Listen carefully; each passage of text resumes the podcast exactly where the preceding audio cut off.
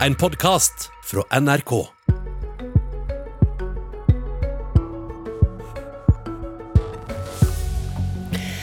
Ideen om et medlemseid samvirke som bygger vanlige heimer til vanlige folk til fornuftige priser, er for mange selve definisjonen på hvordan sosialdemokrater bygger et land. Men hvor mye makt og fellesskap er igjen hos vanlige medlemmer når direktøren, ledelsen og de ansatte kan kontrollere generalforsamlinga? Vel møtt til Politisk kvarter, som handler om boligselskapet Obos. I går kunne Dagsrevyen fortelle at ved årets generalforsamling i Obos kan vanlige medlemmer sin makt bli skvisa vekk av ansatte, direktører og styremedlemmer. Etter å ha blitt oppmoda av ledelsen om å melde seg til det mektige møtet, så ser de ansatte og styret ut til å kunne danne et flertall som kan stanse vanlige medlemmer sine forslag, som f.eks. For et forslag om å legge ned Obos eller skifte ut styret. Så er det viktig å si alt dette er trolig helt lovlig. Selv om Bystad byggerlag lover sine forarbeid opp mot virksomheter som Obos om å unngå at styremedlemmer og daglig leder bruker en stemmerett de har på generalforsamlinga. Obos og administrerende direktør Daniel Sirai er selvsagt inviterte til Politisk kvarter, men vil ikke komme. Hanna Gitmark, du jobber i tankesmia Agenda og har skrevet boka Det norske hjem, som egentlig handler om uh, utviklinga av det som i dag er dagens boligmarked. Er det rett å kalle Obos definisjonen på den sosialdemokratiske drømmen om å bygge landet sammen? Ja, på mange måter er jo Obos eh, avspeiler jo den norske boligpolitiske historien. Obos ble stiftet i 1929, i en tid der boligpolitikk endelig var blitt ansett som en offentlig oppgave å løse. Så eh, Noen år etterpå, i 1935, ble Obos valgt som kommunens byggende organ i Oslo, og mange kommuner valgte den samme modellen også andre steder i Norge.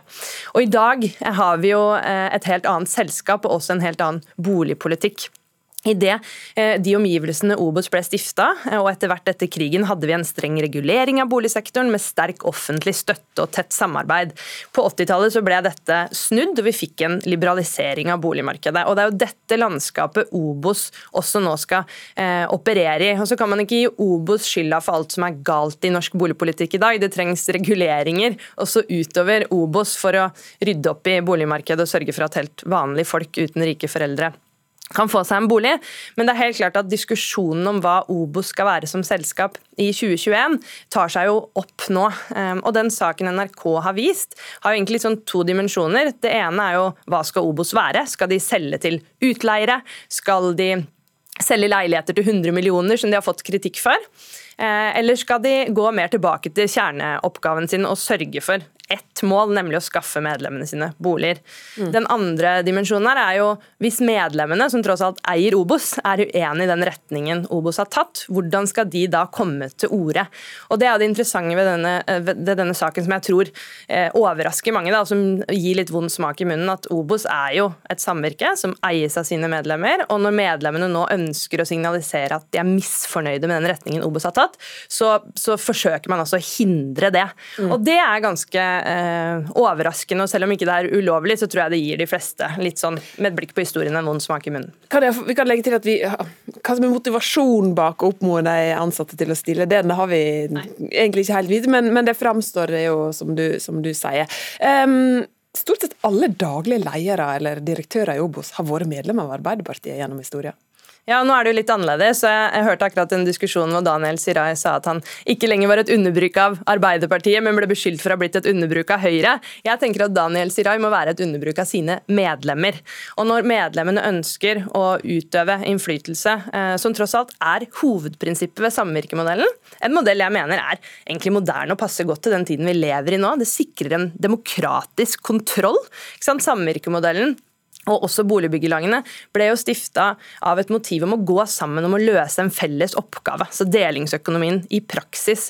Og i en tid nå hvor ulikheten øker, hvor man ser at selskaper drives etter Mange selskaper drives etter et ønske om kortsiktig profitt og fortjeneste, så er denne modellen, som da sikrer ikke bare en demokratisk kontroll av omgivelsene rundt seg, men også en demokratisk kontroll av selskaper og økonomien, en veldig smart modell.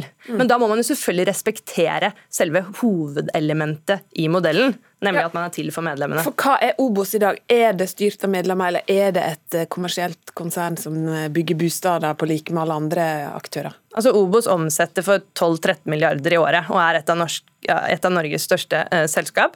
Så de er jo noe annet enn de var. Eh, men de eies jo fortsatt av medlemmene sine. De er en samvirkemodell, og det ansvaret og den modellen er de jo nødt til å ta på ansvar. Og Hvis man er medlem i Obos i dag, så hvis man skal gå inn på nettsiden til Obos og prøve å orientere seg om hvordan man utøver den makten, så er det ganske vanskelig å skjønne hvordan man skal, som medlem skal gjøre det. Mm. Og Her har jo Obos en liksom, opplæringsrolle, tenker jeg. Det burde være veldig lett som medlem å komme komme inn og finne ut av hvordan du skal styre ditt eget selskap.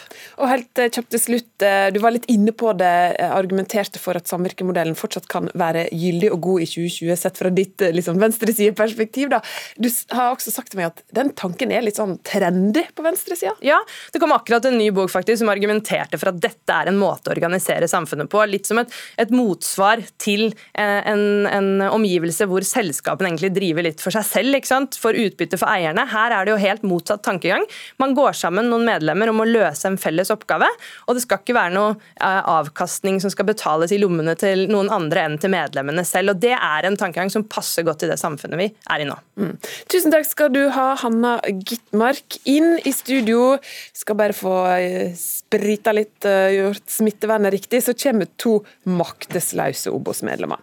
De er mer kjente som politiker og eksordfører i Oslo byen der Obos-historia starta. Engasjementet er det ingenting å si på, men spørsmålet er om de er villige til å bruke politisk makt overfor Obos. Vel møtt Fabian Stang og Siri Gåsemyr Staalesen. Staalesen, du er stortingsrepresentant og boligpolitisk talsperson for Arbeiderpartiet, og som nevnt medlem av Obos. Hva syns du om det som kom fram i Dagsrevyen i går? Nei, Det tror jeg mange har reagert på. Det kokte jo på sosiale medier, og Obos trendet jo på Twitter. Sånn at uh, at folk reagerer, og medlemmene reagerer, det tror jeg ingen lurer på. Eh, og så er liksom spørsmålet som dere diskuterte nettopp, hva er det Obos skal være? Vi mener i hvert fall at det er definitivt riktig eh, å ha samvirker i vår tid, og det kan også tilpasses i Obos. Og det er litt sånn det Hanna Gitmark sa, i hele verden nå så jaktes det på, det diskuteres alternativer til selskapsstrukturer som jager profitt og marginer. Og vi husker jo alle finanskrisa og bankkrisa, og det er bra det at vi ikke overlater viktige samfunnsfunksjoner som det å bygge boliger, bare til folk som er ute etter å tjene seg rike. Sånn at Samvirkemodellen er jo en modell for å virke sammen, der fellesskapet tar del i veksten i, nei, i selskapet, da, og at det er bra. Så du vil egentlig bevare grunnstrukturen med medlemmer og et oppdrag for Obos om å bygge bostader for disse medlemmene? Ja, eh, jeg tenker at det er viktig at eh, medlemmene får en reell innflytelse. Ikke sant? Eierskapet i Obos er fragmentert. Og det åpner jo for at administrasjonen får stor makt. Mm. Og igjen, da krever jo det eh, en konsernledelse som tar et stort ansvar.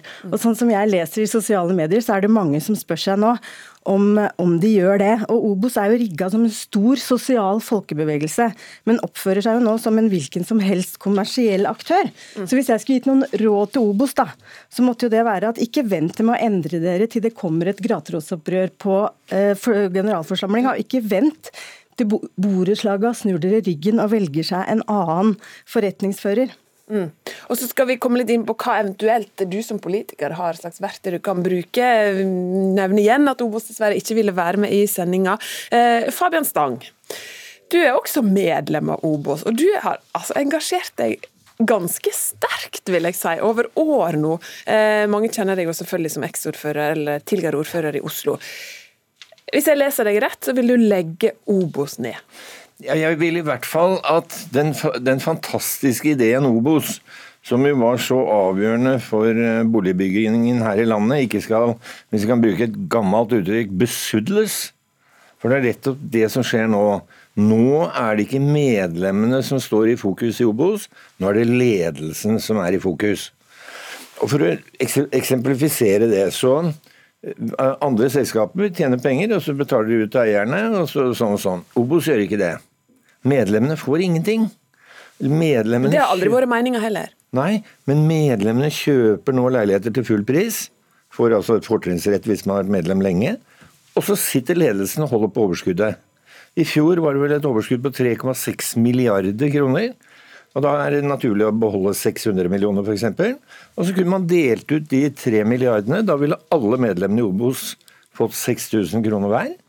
Eller man kunne redusert prisen med 1 million på 3000 leiligheter. Ja, Men ta det siste poenget, da. ledelsen vil bare sitte på pengene for å kjøpe seg mer makt i det norske boligmarkedet. Og dette er veldig farlig, for jo mer makt Obos nå får fremover, jo mindre konkurranse blir det, og jo dyrere blir det for oss som skal kjøpe leiligheter. Men hvis Obos skulle eh, subsidiere da, bostader, sånn som du sier, selge dem for 1 million kroner mindre, da vil en jo manipulere markedet. Nei. Det er helt tillatt for en organisasjon som Obos å si som så at vi bygger nå så billig og bra at vi trenger ikke mer enn den prisen for å gå break even eller ha et lite overskudd. Men de prismaksimerer når de selger til medlemmene, som i tillegg betaler 300 kroner hver. Det renner altså inn 150 millioner kroner til Obos-ledelsen bare i medlemskontingent, samtidig som man har et Ikke til leiing av private, men til eh, selskapet. jeg, jeg tror ikke det tas ut en krone her som, som, som ledelsen ikke, ikke kan ta ut. Men jeg er bekymret over hvordan ledelsen nå opptrer, hvor man begynner å bli ganske arrogant. F.eks. noe så enkelt som at man ikke stiller opp her nå. Nå gikk det et innslag som dere sier på Dagsrevyen i går, et meget alvorlig innslag. Så kommer ikke ledelsen og besøker NRK. Stålsen, er han inne på noen gode tanker her?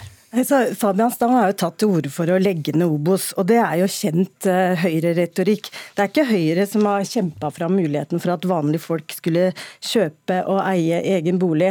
Etter krigen så var det uh, Gerhardsen som kjempa fram muligheten for det. og Da handlet jo ikke det bare om å bygge boliger, men det handlet om å gi folk en jobb. Det handla om å ha en bank for arbeiderne, man måtte ha forsikringer, man måtte ha bygge... Men hva er det i dag som eh, bygger opp under den ideen som gjør at, eh, at eh, Obos fortsatt er et sånt selskap som bygger bostad for vanlige folk til vanlige Altså. Obos er en av de aller største boligaktørene i Oslo, og det er, mener vi er bra.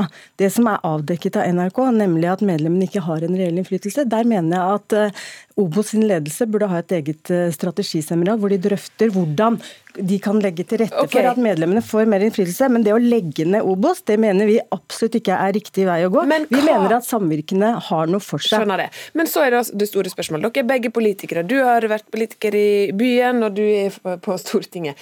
Eh, Så skriver, så advarer det begge mot at nå bør Obos skjerpe seg før politikerne begynner å reagere. Men hva kan du da egentlig gjøre sett fra Stortinget? Jeg tenker at eh, jeg kan være her. Jeg kan delta i det offentlige ordskiftet og si hva som er viktig for Arbeiderpartiet i norsk boligpolitikk. Og vi ønsker aktive aktører som jobber for å bygge boliger for vanlige folk.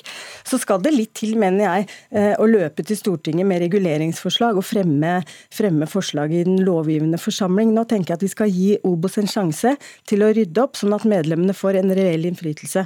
Sånn at det blir bygd gode boliger for vanlige folk i Oslo. Du, Stang, du har jo både meldt deg som eh, kandidat til styret hvis de er interessert, og du har eh, kommet med forslag. Men hva, mener du at det bør startes et politisk løp her nå? Jeg, har sagt at jeg, hvis det kan være til nytte, så er jeg villig til å sitte i styret uten godtgjørelse. eh, fordi at nå må det skje et eller annet. Eh, Jeg tror ikke det er noe vits i å løpe Stortinget, og jeg er enig i at man, Stortinget skal ikke komme inn og regulere over natten. Men, og jeg er ikke veldig opptatt av å legge ned Obos, men medlemmene må nå få lov til å si til Obos-ledelsen at dette holder ikke. Ja, hva har du gjort for å organisere noe inn mot generalforsamlingene? Du er jo medlem og kan bli delegert. Nei, fordi at de har laget det så fiffig at jeg må ha 500 stykker Ja, det er Til å 500 stemme på 000 meg. medlemmer. Ja, men jeg får ikke lov til å låne medlemslistene. Jeg får ikke lov til å skrive i Obos-bladet. Så ledelsen må nå skjønne at dette er et samvirke for medlemmene. Der medlemmene skal ivaretas, ikke ledelsen. Det må være åpenhet. Fair konkurranse på generalforsamling. Det er ikke noe problem i vår tid med digitale løsninger å lage en generalforsamling hvor alle 500 000 kan stemme. Så slipp medlemmene til, hør på medlemmene. Eh, ta dere eh, ikke selv så høytidelig, dere i ledelsen i Obos, så kommer Obos Og så er de alltid velkomne til Politisk kvarter fra Obos, men vi er i mål med dagens sending. Tusen takk for at dere kom, Fabian Stang og Siri eh, Staalesen Gåsmyr. Du har hørt en podkast fra NRK. Hør flere podkaster og din favorittkanal i appen NRK Radio.